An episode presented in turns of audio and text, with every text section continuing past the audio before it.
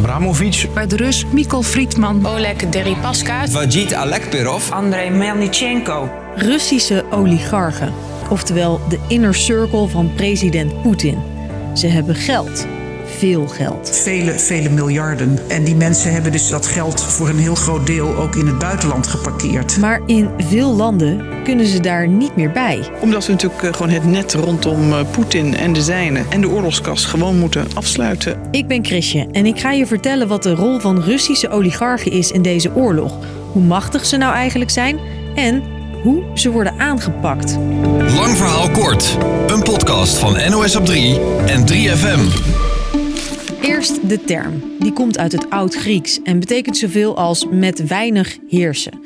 De macht ligt in een oligarchie in handen van een kleine groep mensen uit de elite, de oligarchen. Dan de Russische oligarchen. Tijdens de Sovjet-Unie was de hele economie in handen van de staat. Maar dan, begin jaren 90, valt de Sovjet-Unie uit elkaar. Toen ontstond er een soort run op het staatseigendom. Dat kwam eigenlijk als het ware voor een appel en een ei kwam dat te koop op de markt. Vertelt Rusland-expert Laura Starink. Een aantal slimme jongens die hebben voor heel weinig geld die staatsbedrijven, oliebedrijven, gasbedrijven, grote bedrijven hebben ze kunnen kopen. En die mensen zijn dus zeg maar overnight rijk geworden bij het uiteenvallen van de Sovjet-Unie, bij het einde van het communisme. En dat, dat noemen we de oligarch. En met het geld kwam de macht. De steenrijke Russen, die vooral in de grondstoffen zaten, hadden veel politieke invloed.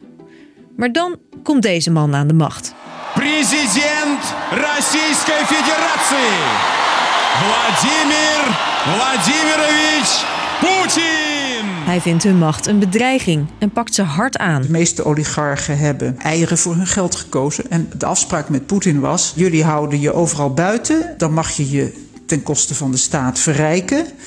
Uh, je mag je huizen in het buitenland hebben, geld in het buitenland hebben, jachten in het buitenland hebben. Maar als het vaderland roept, hè, zoals in tijden van oorlog, dan kan hij een beroep doen op die oligarchen om de staatskas te spekken. Maar ja, nu is het oorlog. Niet alle oligarchen staan achter de invasie in Oekraïne. Maar zeggen ze, we staan machteloos. Poetin die voert nu een politiek uit die helemaal niet in hun belang is. Want zij hebben natuurlijk groot belang bij goede contacten met het Westen. Want ze willen daar zaken mee doen. En als die miljardenhandel moeilijk wordt gemaakt door sancties, dan raakt dat dus de hele Russische economie. Dus worden die oligarchen door het Westen keihard aangepakt. We're joining with European allies to find and seize their yachts, their luxury apartments, their private jets.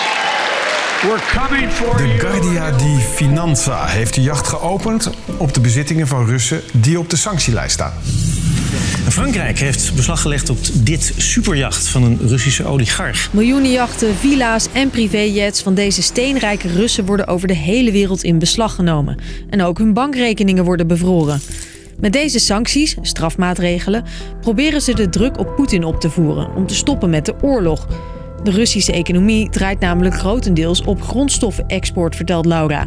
Olie, gas en metaal. De bedrijven van oligarchen. Gazprom en, en Rosneft en al die grote bedrijven, hoe ze heten mogen, dat zijn de steunpilaren van, het, van de Russische economie. Maar dus het aanpakken van die geldstromen is wel degelijk een bedreiging voor het Poetin-regime. Ook in Nederland worden die oligarchen aangepakt, onder leiding van oud-minister Stef Blok, die nu chef sancties is. Rijke Russen kunnen niet meer bij hun Nederlandse rekeningen en hun vastgoed wordt ingenomen. Klinkt voortvarend, toch?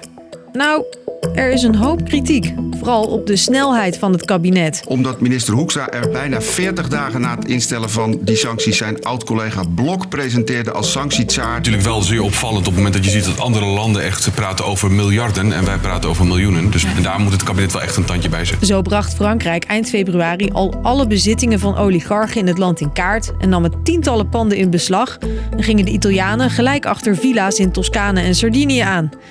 En in Nederland duurde het allemaal dus even. Terwijl er wel degelijk Russische oligarchen zijn die hier bijvoorbeeld een huis hebben. Onhandig, zegt deze advocaat, die alles weet over sancties. Dit is ook iets, je moet bovenop de bal zitten. Want voordat je het weet, is alles weg en verkocht. En uh, sta je met lege handen. Er is dus haast. Maar onderzoek kost veel tijd. Want het is niet direct een Rus met een Russische achternaam. Er zijn allerlei stroommannen, pionnen. Er zijn misschien uh, Nederlandse vertegenwoordigers, uh, consultants, trustkantoren. Iedereen kan daartussen zitten. Tot nu toe is er ruim 500 miljoen euro bevroren. Maar dat lijkt een schijntje als je nagaat wat er aan Russisch geld in Nederland is gestald. Zo kwamen journalisten van Follow the Money erachter dat vier oligarchen hier in Nederland samen twee grote bedrijven bezitten, die al goed zijn voor 30 miljard euro. Maar omdat de hoofdkantoren hier staan, ontlopen ze die sancties. Het is dus ingewikkelder dan gedacht om al dat vermogen op te sporen.